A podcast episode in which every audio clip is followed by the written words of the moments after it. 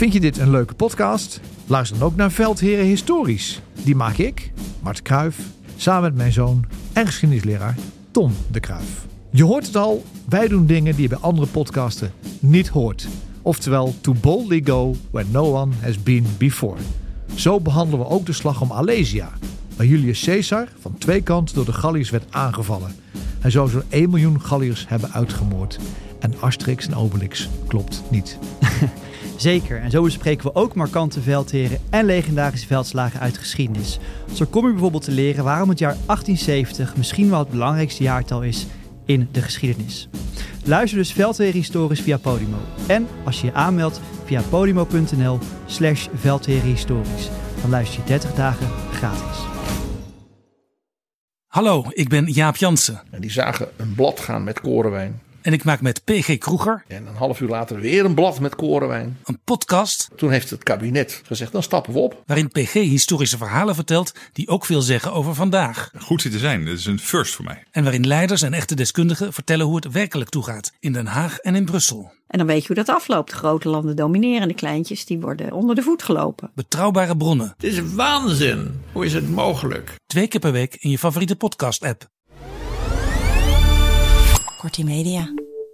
Veldheren is een productie van Corti Media en WPG Studios. De eerste Oekraïnse troepen zijn de Dnipro-rivier overgestoken naar door Russen bezet grondgebied. Het gevecht gaat door op de zuidelijke oever. Hoe belangrijk is die oversteek voor het verdere verloop van de oorlog? En een tijdelijke wapenstilstand tussen Israël en Hamas. Wat betekent dat voor het lot van gijzelaars en gevangenen? Dat vraag ik aan generaals buitendienst Peter van Um en Mart de Kruif. Mijn naam is Jos de Groot. Je luistert naar Veldheren. En luister vooral ook naar Veldheren Extra, onze wekelijkse extra aflevering waarin Peter en Mart meer vragen van luisteraars beantwoorden. Meld je aan via vriendvandeshow.nl slash veldheren. Bijna 900 luisteraars gingen je al voor. Voor de verandering beginnen we even niet in Oekraïne, maar in Nederland. Want uh, we nemen onze podcast nu op op verkiezingsdag. Als mensen naar ons luisteren, is de uitslag inmiddels bekend. Hoe verwachten jullie uh, dat je wakker wordt? Nou, ik hoop morgen heel blij wakker te worden. En dat er een groot percentage van de Nederlanders is gaan stemmen. Dat vind ik eigenlijk wel het meest belangrijke. Uh, we hebben het er al vaak over gehad dat uh, wij in landen zijn geweest waar mensen uh, geen stem konden uitbrengen. Of eindelijk hun stem konden uitbrengen en daarvoor alles voor over hadden. Dus laten we hopen dat heel veel Nederlanders inzien dat er echt iets moet gebeuren. En ik vind, ja, als je niet stemt, dan moet je daarna ook niet aan de zijkant gaan lopen schreeuwen. Ja, wat moet ik daar nog aan toevoegen? Nou, Mart, ik, ik geloof dat jij wel met redelijk veel frustratie hebt zitten kijken naar het slotdebat de dag voor de verkiezingen. Nou, zeg maar verstilde woede. Hè? Maar dat is eigenlijk de tendens die ik al weken zie. Want ik heb het gevoel dat we net als de Titanic op een ijsberg afvaren. En het salonorkest speelt vrolijk verder met de bekende deuntjes. En het is. En daar maak ik me wel zorgen om. Niet omdat ik vind dat Oekraïne nou een thema moet zijn. Maar de oorlogen in deze wereld, we hebben nu twee, die gaan van invloed zijn op de komende jaren. En die gaan waarschijnlijk ook offers van ons vergen. En als jij in de verkiezingstijd zegt dat de overheid heel veel kan en heel veel gaat regelen, dan hebben we over drie jaar weer een situatie waarin mensen teleurgesteld zijn dat de politiek niet levert wat ze beloven en daalt het vertrouwen in de politiek nog verder.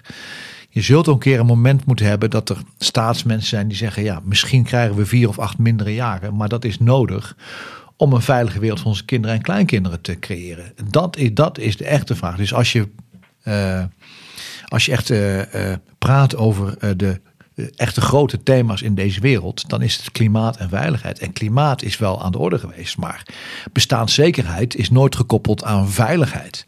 Ja, dat is een hele rare ontkoppeling van twee begrippen die volkomen met elkaar verbonden zijn. Ja.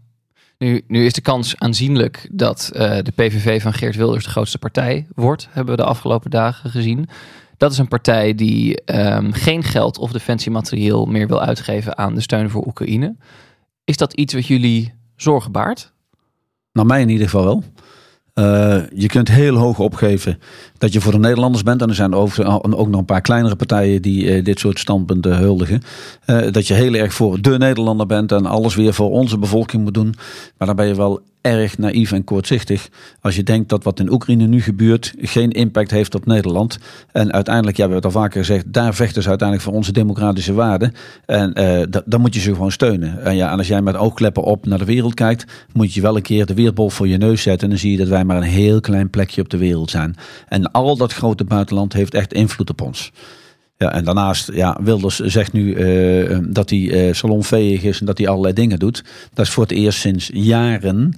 Dus ja, ik zou wel even de proef of de pudding willen zien. Ik hoorde hem laatst ook zeggen dat de krijgsmacht is om het Nederlands grondgebied te verdedigen. Misschien goed om even het punt te maken dat dat niet zo in de grondwet staat. In de grondwet staan drie opdrachten. Dat zijn nationale taken, dat kennen we. Bewaken van het luchtruim, explosieve opruimingsdienst. De tweede taak is uitvoeren van missies om democratie te verdedigen. En de derde is het verdedigen van het bondgenootschappelijk grondgebied. Ik herhaal, bondgenootschappelijk grondgebied. Dus als je dit zwart-wit neemt, dan lijkt het erop alsof Geert Wilders dan de grondwet wil aanpassen. Nou, dat, Nou, er lijkt, zijn, me, er zijn nog wel een paar andere punten die ook eh dat lijkt me heel strijdig zijn met de grondwet volgens mij van eh, de heer Wilders. Nee, maar in die zin is het Ehm. dus eh, eh, ja, best wel, eh, ik zou bijna zeggen, griezelig. Om, Ja. Eh, ik heb gezegd dat ik blij zal zijn, eh, of blij wil wakker worden met een heleboel stemmers. Maar ik hoop wel dat die stemmers allemaal verdomd goed hebben nagedacht, de kieswijzer hebben ingevuld eh, en, en dan pas een besluit hebben genomen. En dat je dat niet alleen doet op nou ja, wat je in allerlei discussieprogramma's nu ziet. En laat je emotie niet alleen wegen, laat vooral je verstand meetellen. Want er wordt nu heel erg gezegd, volg je hart. Maar ik zeg er graag bij, volg ook je verstand. Nou, we gaan het afwachten en ik ben benieuwd hoe deze woorden vallen zodra de uitslag bekend is. Eh, wij gaan eh, naar Oekraïne, zoals we dat elke week doen. Vorige week melden jullie hier dat ehm, de eerste panzervoertuigen de rivier de Dnipro overgestoken zijn, overgestoken zijn. En dat een eenheid ongeveer ter sterkte van een bataljon aan de oostoever zit. Nu meldt het Oekraïense leger steeds meer troepen steken de rivier over. Stukjes land worden heroverd. En op diverse plaatsen zou Oekraïne bruggenhoofden hebben opgezet. Zodat ze aanvoer van extra troepen kunnen brengen daar. Ehm, vat ik het zo goed samen? Wat is nou precies die Ja. operatie? Waar zit die nu? Nou ja, er zit wel wat verschil in de interpretatie van duiders. Dus laten we ons maar eens onze mening hierin, ik, ik beroep me op jullie. hierin eh, eh, geven. Nee, eh, sommigen zien het heel erg groot hè, als een nieuw offensief van Oekraïnse kant om zeg maar de bevoorradingslijnen naar de Krim te kunnen afsnijden. En er zit ook wel wat in, maar zelfs de Krim te kunnen veroveren vanuit Gerson. Ik denk dat we mensen daar even uit de droom moeten Een bruggenhoofd vormen zoals het nu is, is ontzettend moeilijk. Zeker over zo'n grote rivier en deze weersomstandigheden. Oekraïne heeft problemen elders. Je moet Afdivka verdedigen. Ze willen nog voortgang boeken bij Zaporizhia. Dus je kunt niet met de bulk van jouw eenheden überhaupt naar Gerson gaan, dan de rivier over en proberen de Krim te veroveren. Bovendien, de Krim veroveren moet je over een landtong. Dus dat is een breedte van een paar kilometer. Ja, daar kom je gewoon praktisch niet overheen. En voor mensen die denken dat het wel kan, kijk even naar de film De Schelde. dan, hè? Dus dat lukt je niet zomaar. De slag om de Schelde. Ja, Ja, slag om Ja, de Schelde. ja. Dus er is een andere, een ander iets wat speelt. Nou En- begreep ik, maar dat jij eigenlijk nog bij een oorlogsfilm keek. ja, nee, Maar maar hebben we je toch betrapt? ik blijf leren, want je moet je vijand kennen. Anders word je niet beter. Het gaat om eh, de strek dan bij de Sloedam. Voor de intimie van de Canadezen die daar aanvallen. Maar wat is dan de functie van de bruggenhoofd? Dat is vooral om de Russen te dwingen keuzes te maken. Hè? Want als je vanuit het westen de Russische flank gaat bedreigen bij Zaporizhia, dan dwing je de Russen om hun reserves zeg maar richting Gerson te gaan sturen. En dat is nou het hele spel wat er speelt. Rusland wil graag de Oekraïnse reserves naar Afdivka eh, lokken, omdat daar een doorbraak dreigt. En de tegenzet voor Oekraïne op dat schaakbord is: wij gaan bij Gerson de op en dan dwingen wij de Russen om hun reserves daarheen te brengen. Vanochtend, vers van de pers, Oekraïns leger zegt dat ze minder eenheden naar Avdivka zien gaan vanuit Rusland. Dus je weet niet of daar een verband is, zal de komende weken duidelijk worden. Maar één ding is duidelijk: het front is nog niet tot rust gekomen. Ondanks de slechte weersomstandigheden. En het tweede is, de operatie bij Gerson heeft een groter doel dan het veroveren van grond. Maar heeft vooral als doel om het initiatief bij de Russen weg te halen. Ja, en de Oekraïners zeggen van hun kant ook dat er een beperkte doelstelling is. Dat kan natuurlijk gewoon propaganda of misleiding zijn. Maar zij zeggen eigenlijk doen we dit om de druk van de Russische artillerie op de stad Gerson eh, af te doen nemen. Dus de Russen moeten met hun artillerie verder naar het oosten. En kunnen dan minder eh, invloed hebben op eh, wat er in die stad gebeurt. En dan ja, zie je ook dat er in die propagandawereld eh, ge- gebeurt er van alles. Want eh, ja, de Oekraïners zegt dat de Russen eh, veel panzervoertuigen verloren hebben, veel mensen verloren hebben, artilleriesystemen en vliegtuigen verloren hebben. En ja hoor, je kunt, er, je kunt erop wachten. En jawel hoor, Shoigu, de minister van Defensie van, van Rusland, die vindt dan toch dat er een keer iets gezegd moet worden over wat er daar aan de hand is. En, en die eh, downplayt dan eh, de hele boel weer. En, en zegt van ja, eh, er zijn, we hebben eigenlijk alle succesvolle operaties van Oekraïne hebben we voorkomen. Ja, dus het, is helemaal, het is helemaal niet zo groot daar bij Gerson. En hij, hij geeft dan ook aan dat er ja, behoorlijke ja, schade aan de Oekraïners is aangebracht.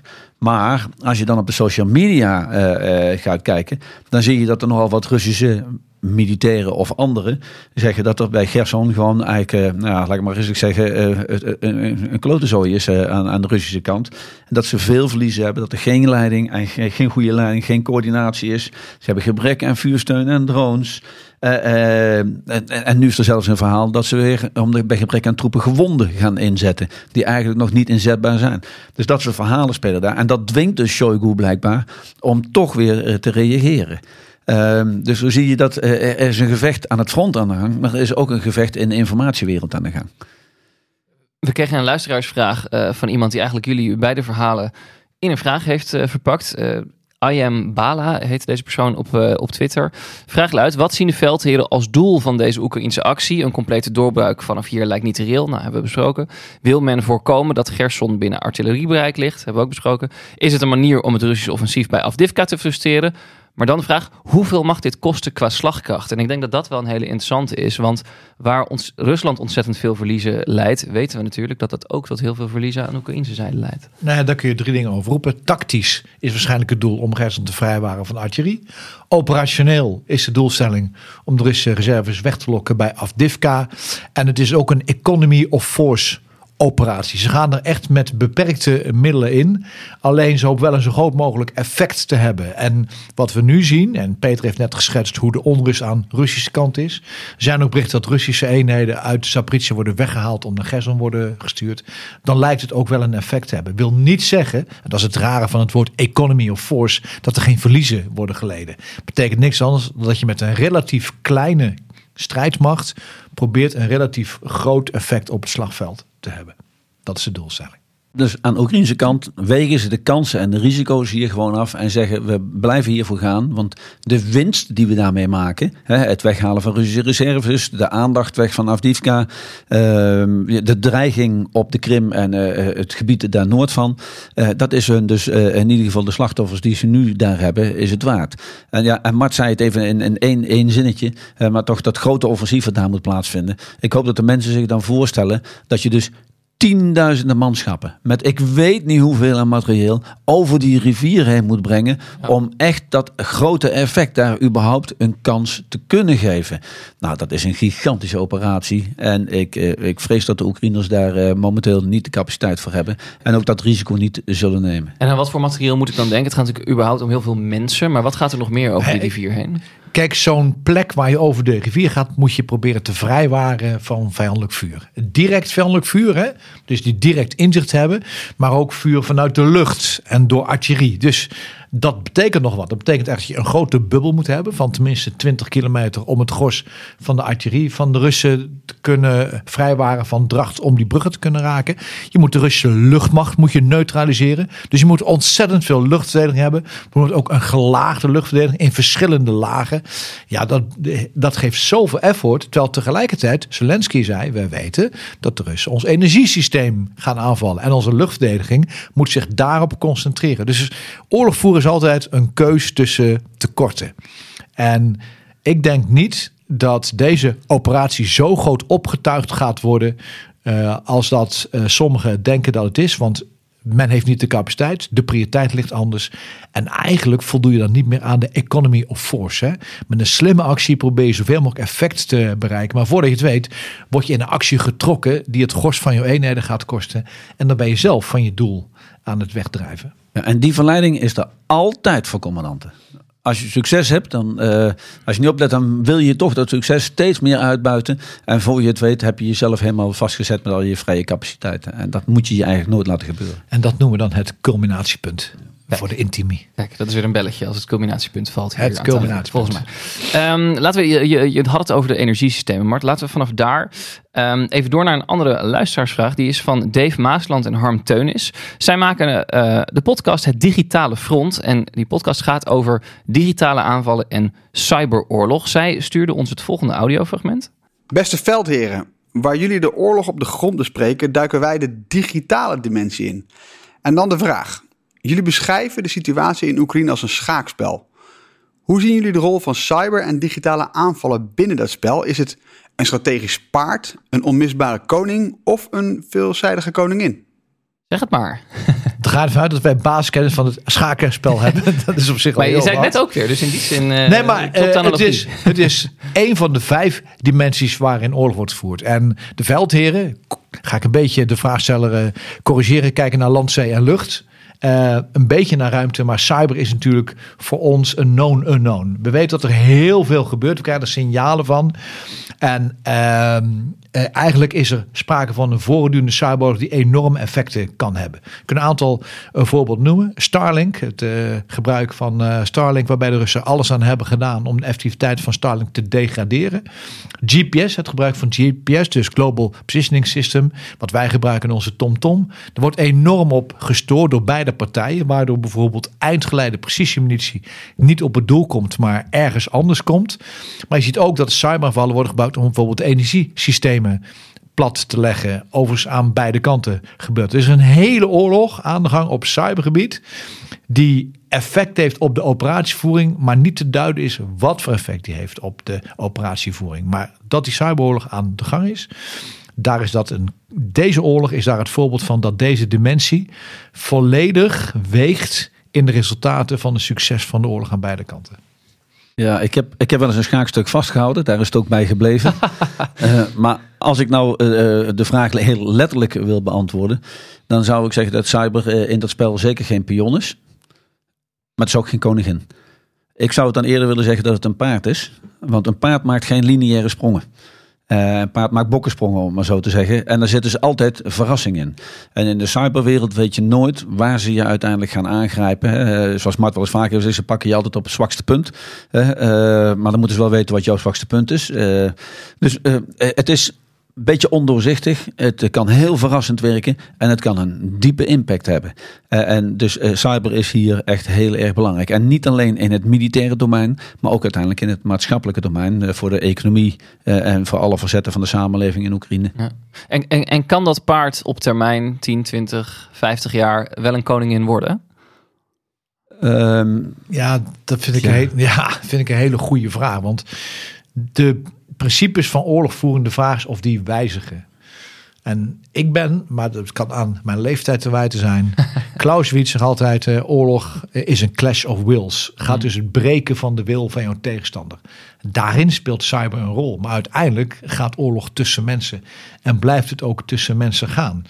En de vraag is in hoeverre je met cyber, eh, wat een enorm effect kan hebben, maar ook de wil van de tegenstander om te vechten kunt beïnvloeden. We kennen de voorbeelden. Hè? Eh, Noord-Vietnam, Vietcong, die werd stuk gebombardeerd door de Amerikanen. eh, Omdat ze fysiek veel minder waren. Toch winnen ze deze oorlog omdat ze de wil niet laten breken. Duitsland, wat is plat gebombardeerd, volledig in de Tweede Wereldoorlog. Toch moet je vechten in de straten van Berlijn om Hitler tot overgave te dwingen. Dus het eerlijk antwoord is, ik weet het niet. Maar als ik kijk naar Clausewitz en alle ontwikkelingen daaromheen. Het gaat om het breken van de wil van de vijand. Daarin speelt cyber een rol.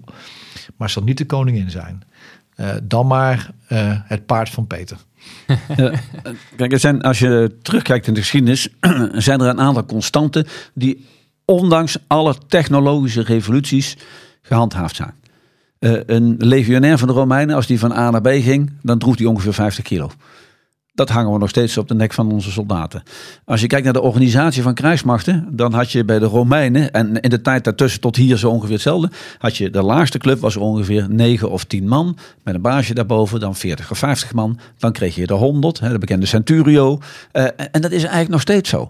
Dus er zijn een aantal constanten die ondanks allerlei technische innovaties, vernieuwingen, eh, eh, nieuwe mogelijkheden, hetzelfde zijn gebleven.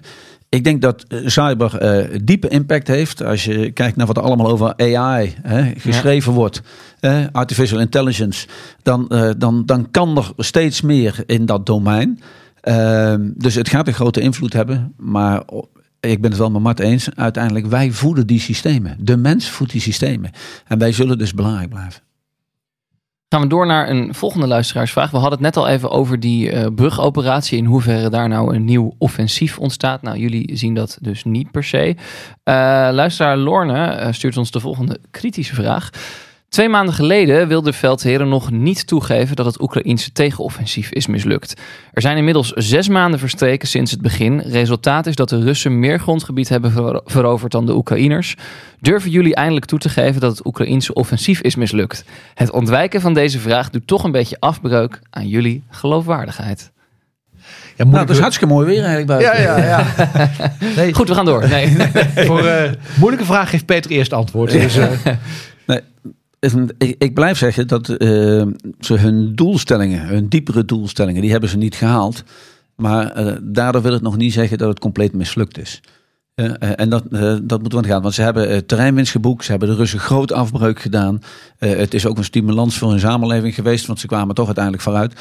Dus er zijn vele dingen gehaald. Maar als je sec naar de diepe doelstelling van het offensief kijkt, dan moet je zeggen dat, dat ze dat niet gehaald hebben. Ja, en ik, ik weet niet of ik dat voorbeeld wel eens heb aangehaald eerder. Maar in de Tweede Wereldoorlog hadden we de operatie Market Garden. De bevrijding vanuit België eh, met één grote mesnee eh, door, over allerlei rivieren heen tot van via Eindhoven, Nijmegen, Arnhem.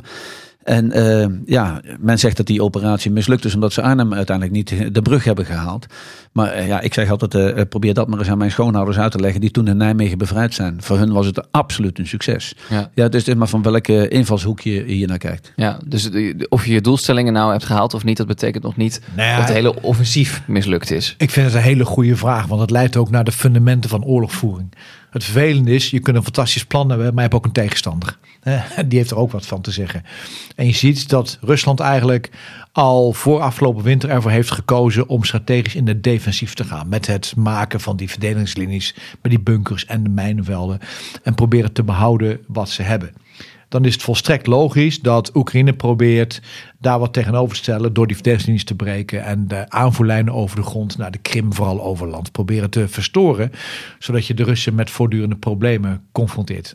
Dus dat die doelstelling snap ik. En die is ook voor een deel door het Westen ingegeven. Hè? Want Mm. nou, een lenteoffensief hebben wij er zelf aan eh, gegeven. En dat klinkt heel positief. Lenteoffensief heeft een positieve connotatie. Dus misschien hebben we zelf ook wel een hoog verwachtingspatroon.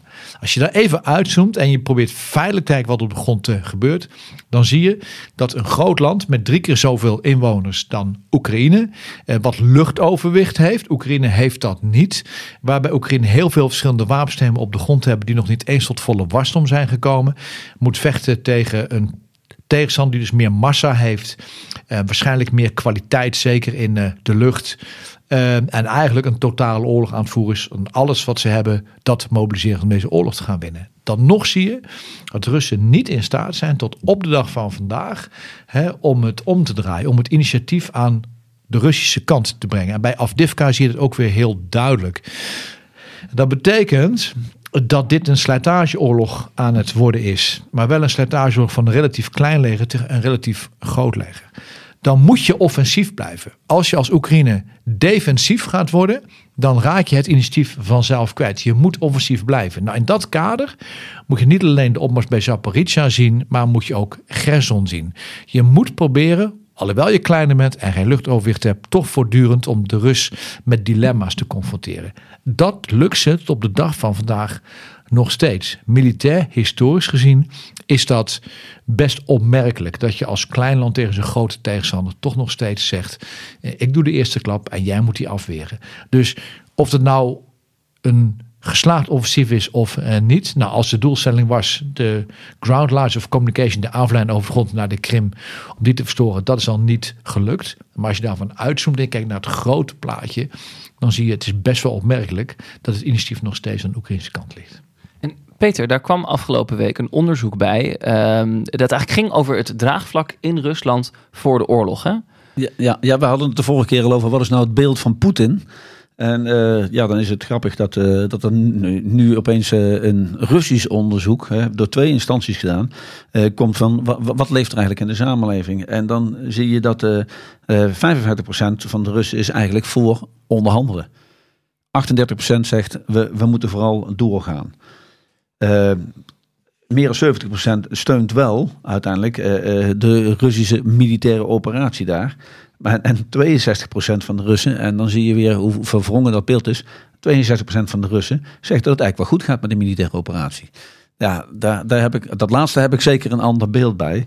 Maar als je dat nou eens zet tegen een onderzoek eh, wat ook gedaan is door, eh, door Gallup, wat net, net eh, bekend is geworden. Dan zie je dat de, de, eigenlijk mensen die voor het leiderschap van de Russen nog steeds zijn, dat is rond de 66, 68 procent. Dat, zijn, dat is nog steeds een hoog percentage.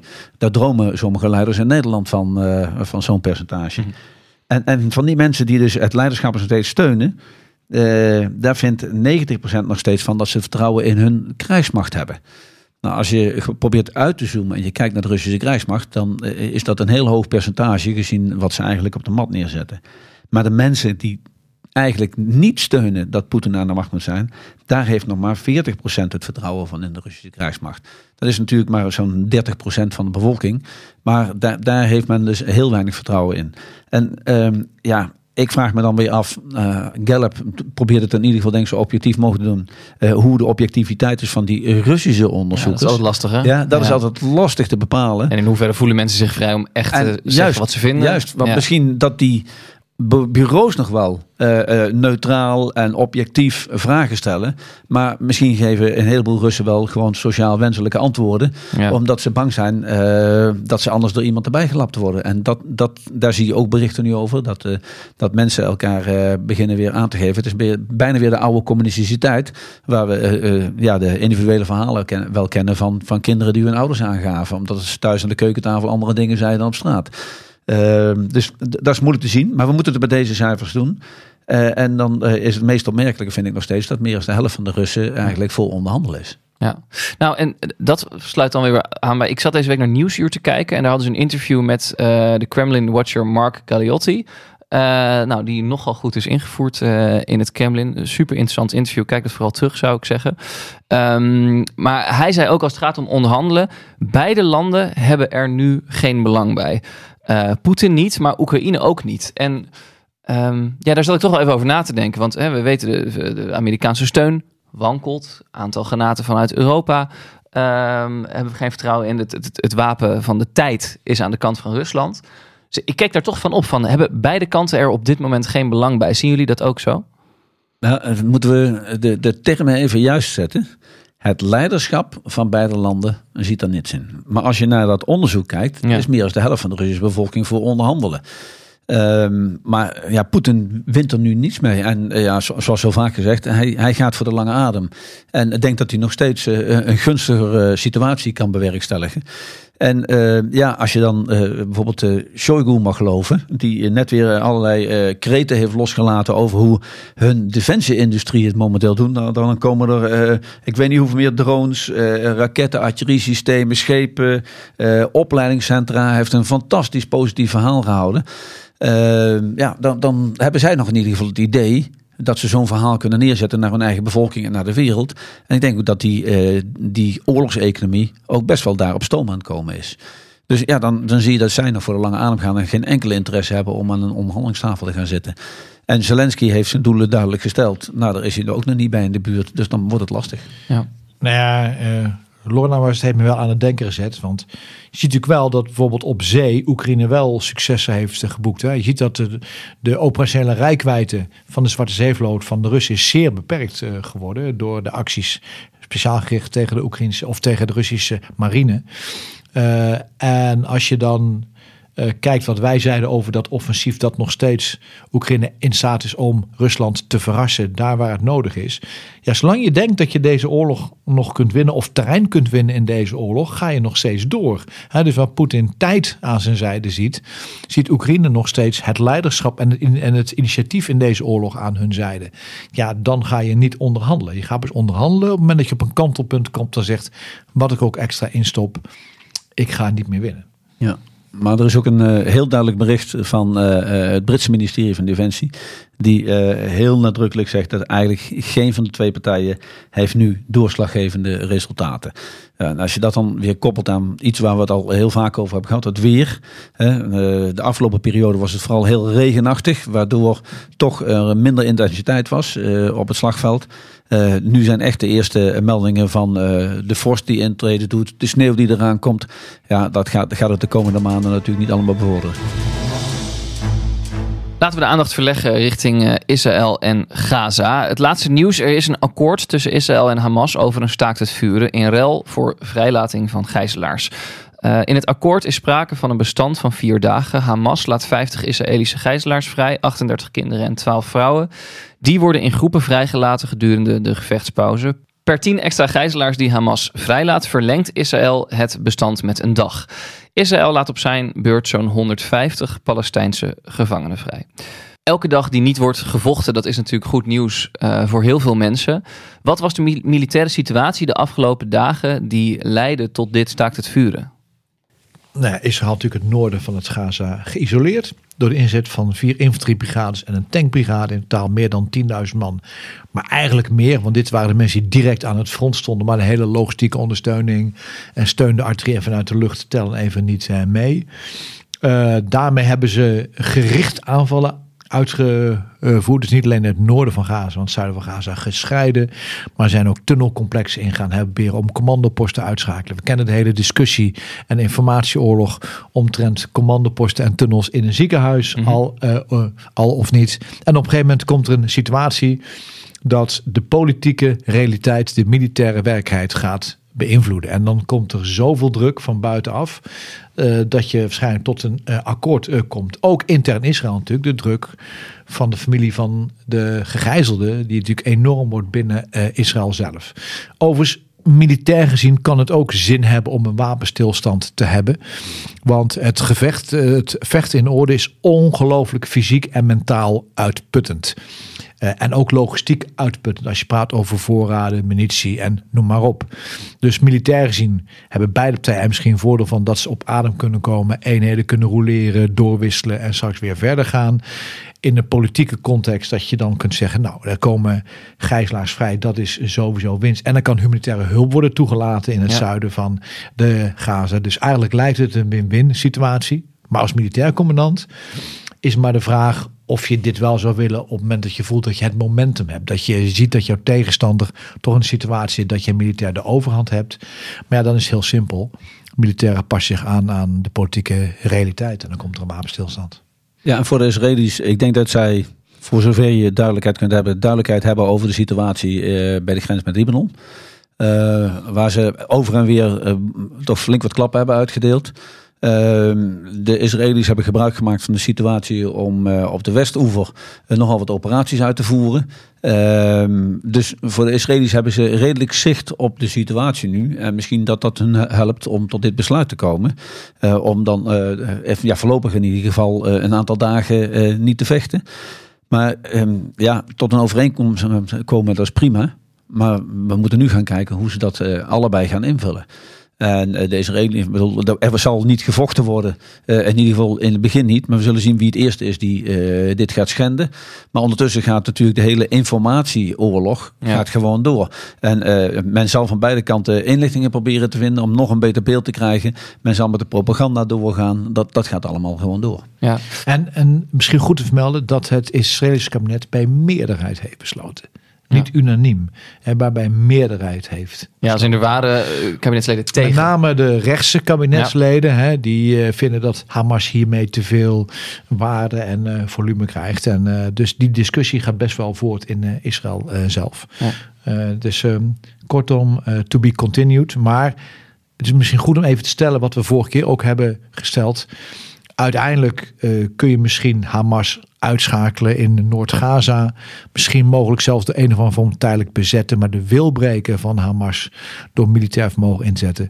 Dat gaat je niet lukken. Dus uiteindelijk kunnen we lang en kort praten. Maar er is geen militaire oplossing voor dit conflict. Er is alleen een politieke oplossing voor dit conflict. In dat kader is een wapenstilstand natuurlijk goed nieuws. Ja. Maar, maar laat ik duidelijk zijn. Uh, dit is goed nieuws.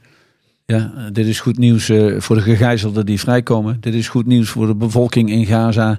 Uh, dus ik hoop van ganse harte dat er uh, allerlei hulp aan die bevolking kan worden geboden.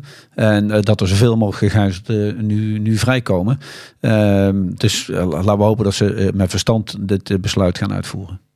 Hoe, hoe ziet een staakt het vuren er eigenlijk uit? Martje had het net inderdaad al even van, nou, je kan misschien troepen roleren. Maar ik vroeg me ook af, ja, zeg maar, ik neem aan, je houdt je posities. Um, blijf je op dezelfde manier alert zoals je dat bent als je wel in gevecht bent? Hoe moet ik dat zien? Dat is in deze een hele moeilijke. Want Hamas heeft waarschijnlijk geen posities. Hè? Dat, dat zijn gewoon burgers niet in uniform. En die af en toe een wapen pakken en gaan vechten of niet. Dat is heel moeilijk. Het Israëlische leger heeft wel posities. Dus het is heel moeilijk omdat je geen pariteit hebt tussen de twee partijen. Maar de essentie is, we gebruiken geen militair geweld tegen elkaar. dat, dat doen we niet. Dat is de essentie.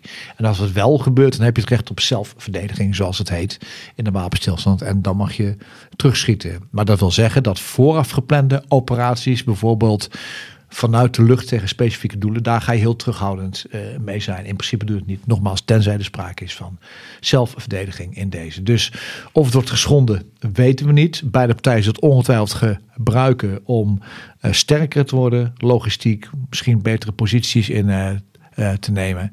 maar een wapenstilstand in principe betekent dat we gebruiken de wapens niet tegen elkaar.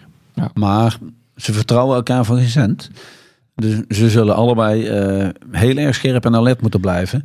Uh, omdat ze allebei uh, in hun achterhoofd hebben van ja, hier valt geen afspraak mee te maken. Dus voor je het weet zitten ze dadelijk in mijn rug en heb ik een nog groter probleem. Dus ja, ik zou zeggen, als, als ik in die situatie zat, dan zou ik echt tegen mijn militairen zeggen: jongens, blijf alert en blijf scherp. verslap geen moment, want het kan zomaar weer op, opbloeien. Ja. Of ja, uit, uitbarsten is misschien een beter woord. Ja, en ik denk, wat ik al zei aan de Israëlische kant zal het waarschijnlijk ook leiden tot aflossing van eenheden. Die daar lang hebben gezeten. Tijdens een wapenstilstand kun je ze makkelijker aflossen dan terwijl je in gevecht bent. En gevechten in orde zijn ontzettend veel eisend. Ja, ja en dan, uh, ja, dat, dat punt wat Mart nu opbrengt, dat is echt heel erg moeilijk. Want degene die aan het front zitten, die voorin zitten, die kennen het terrein het beste voor hun neus. Dus je moet met de troepen die achter zitten, moet je eerst je commandanten naar voren sturen. Die gaan met de zittende commandanten die in gevecht zijn of in gevecht zijn geweest, gaan ze overleggen van uh, wat is de situatie, wat is jouw inlichtingenpositie. Dan moet die nieuwe commandant moet zijn eigen assessment maken en kijken van ja, want jullie zijn door het gevecht op een bepaalde manier nu gesitueerd. Maar misschien als ik de kans krijg, kan ik wel een hele andere positie gaan innemen met mijn troepen, omdat ik uh, vrij die opstellingen kan innemen. Dus die moet zijn eigen plan weer gaan maken. Dan moeten de nieuwe troepen erin, de oude troepen moeten eruit. Dan heb je een tijdelijke concentratie van middelen waar je echt kwetsbaar bent. Ja. Ja? Uh, en pas als die oude troepen eruit zijn, kun je weer naar een, uh, uh, ja, een stabiele situatie toe, om zo te zeggen. Dus het is echt heel complex en kwetsbaar. En om heel simpel te noemen, wanneer draag je de verantwoordelijkheid over? Op welk moment doe je dat?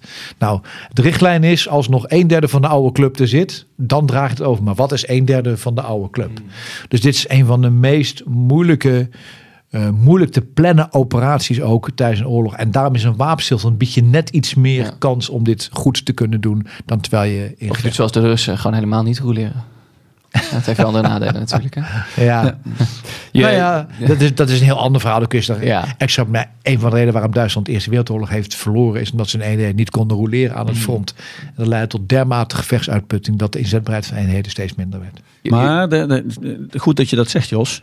Maar uh, de Russen die, die doen dat oké. Maar de Russische leiding hoeft ook niet zo bang te zijn voor evaluaties achteraf.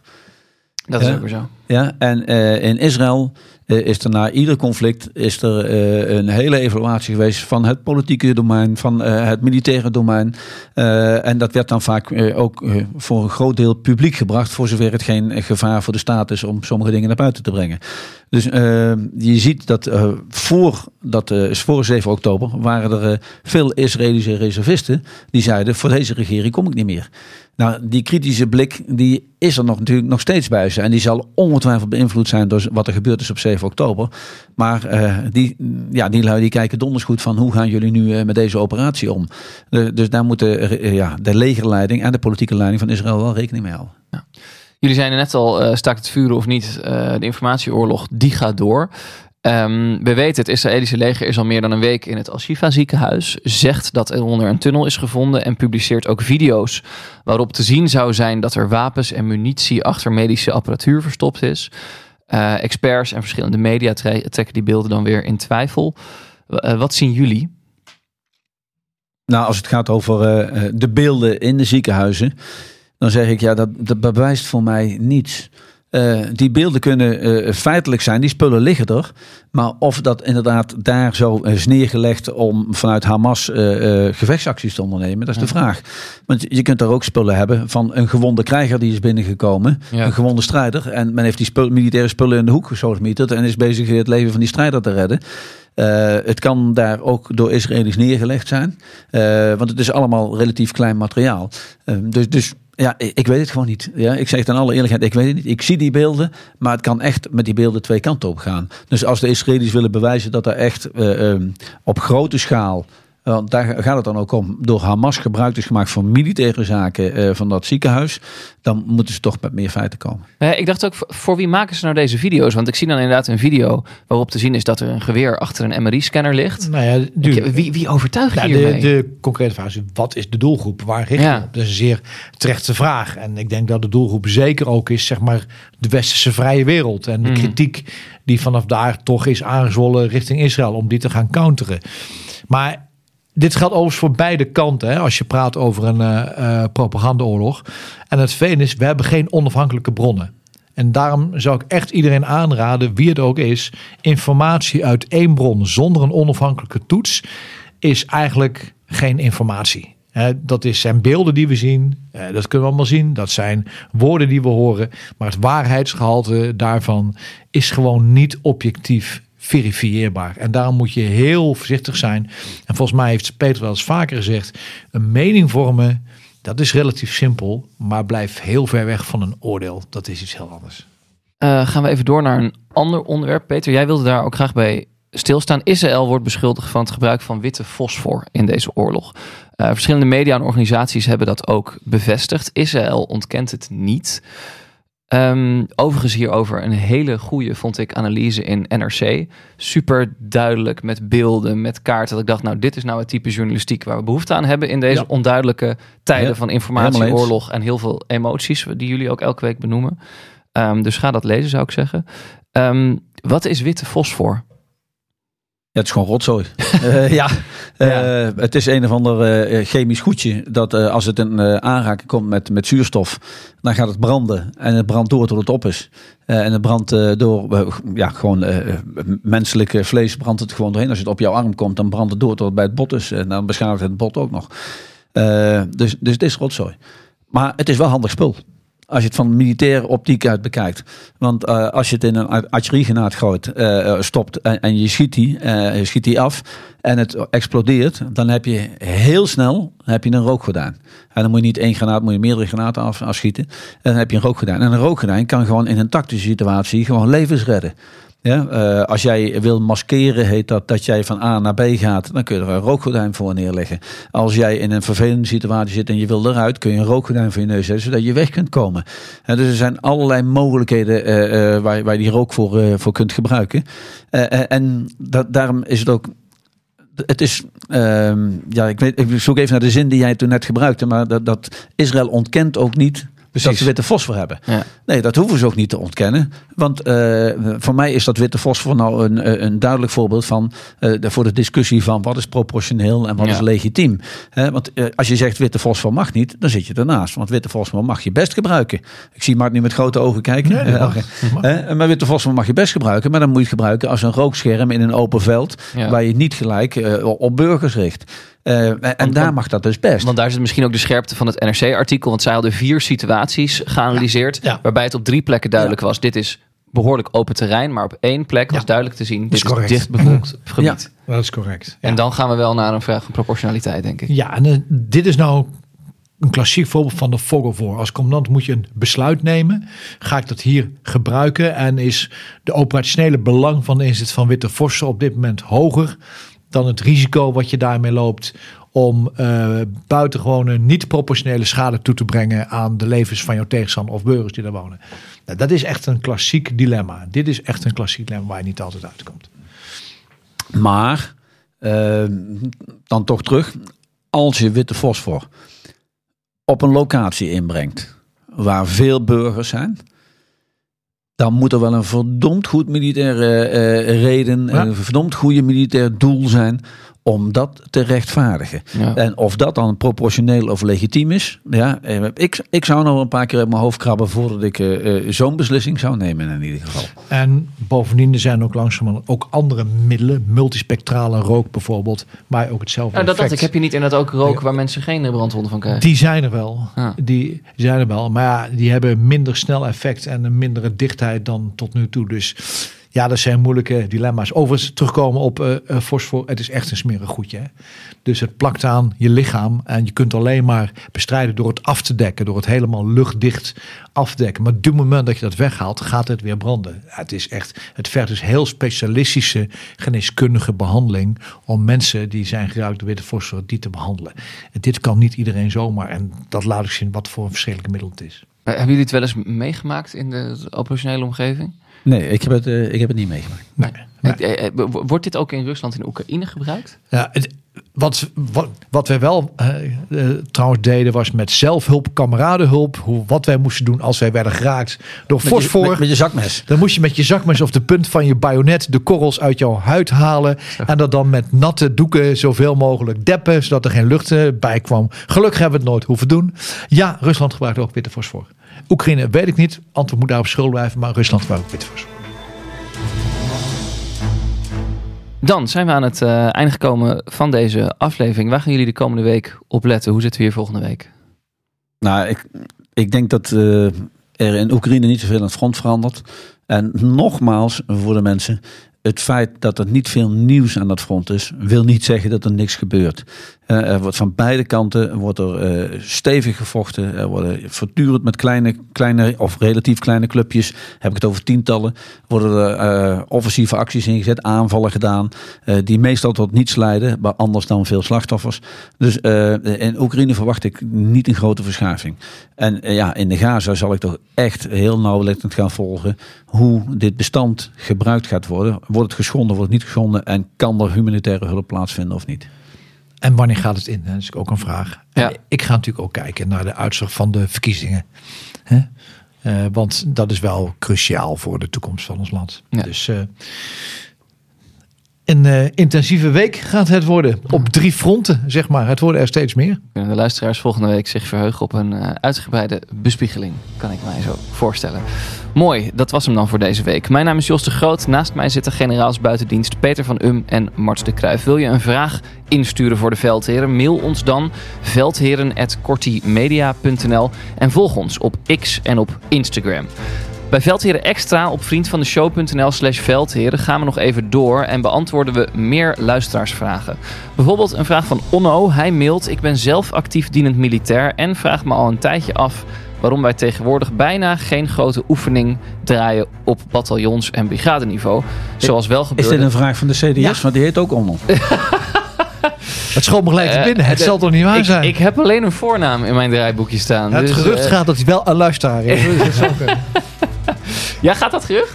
Dat het gerucht gaat. Nou, dat is toch mooi. Nou, dan moeten we extra ons best doen. Nou, het is een vraag over oefeningen. Ehm, ben je benieuwd eh, of hij inderdaad van de CDS is eh, of niet? Luister vooral verder bij vriendvandeshow.nl slash veldheren.